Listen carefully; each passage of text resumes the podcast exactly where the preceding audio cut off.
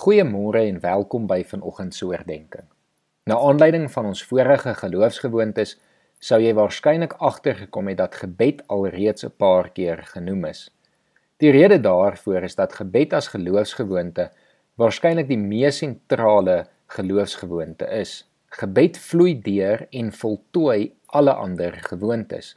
Dit is deur gebed dat ons werklik stil word. Deur gebed dat ons in staat is om stil te bly en dit is eers in gebed wat afsondering tot sy reg kom. Gebed is waarskynlik die eerste geloofsgewoonte wat ons as kinders leer en daarom glo ek gebed is alreeds deel van jou lewe. Nietemin is dit steeds die moeite werd om na hierdie gewoonte te kyk en hoe ons dit in ons lewens toepas. Gebed gaan ook 'n baie belangrike rol speel by die geloofsgewoontes wat ons nog gaan aanleer. Die Bybel leer ons baie oor gebed.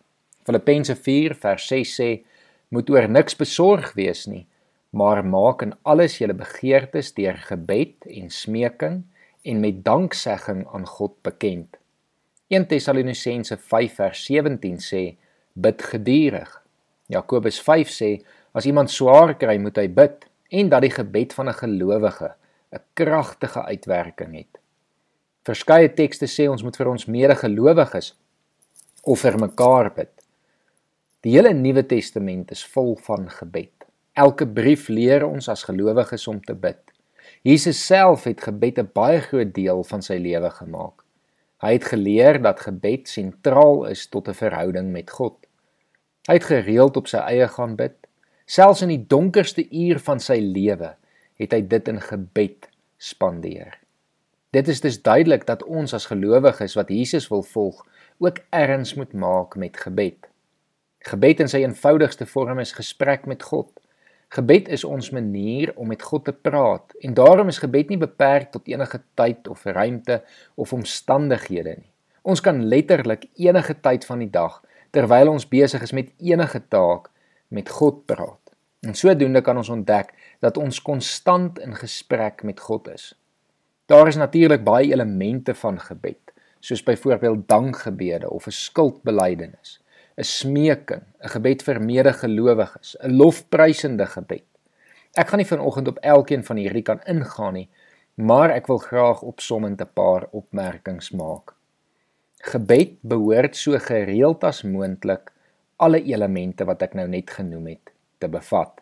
Ons moet onthou gebed is 'n gesprek met God om ons verhouding met hom te verbeter.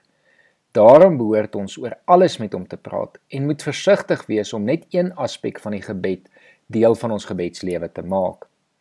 Ek het oor die laaste paar jare interessante fenomeen opgemerk. Indien ek byvoorbeeld saam met volwassenes is en vir hulle vra dat ons moet bid, is die gebede dikwels versoeke van dinge wat God vir ons moet doen en soms hier en daar 'n dankgebed. Indien ek saam met kinders is en vir hulle dieselfde versoek rig en hoe jonger hulle is, hoe meer is hierdie die geval, dan is amper 99% van die gebede dankgebede. Die een is nie verkeerd of die ander een reg nie, maar ons het nodig om te besef dat ons 'n groter balans in ons gebedslewe moet toepas. Op die ou einde kom dit daarop neer om baie meer doelbewus te bid om spesifiek te bid en om alle moontlike elemente van gebed deel van jou gebedslewe te maak. Ek sal graag die wat kan en tyd het uitnooi om weer die film War Room te kyk. Hierdie is 'n film wat doelbewuste gebed as 'n geloofsgewoonte vir my baie mooi uitbeeld. Te veel gelowiges val in 'n groef van ongesonde gebedsgewoontes. Ons bid net in die oggend of in die aand of voor etes en elke gebed is maar 'n rympie wat ons herhaal sonder om werklik bewus te wees van wat ons sê. Dit my liewe vriende is nie gebed nie. En daarom moet ons baie versigtig wees daarvoor. Doelbewuste gebed verander hierdie, want ons raak bewus van God en dat ons enige tyd met hom kan praat oor enigiets, maar veral spesifiek met hom moet praat oor ons hele lewe.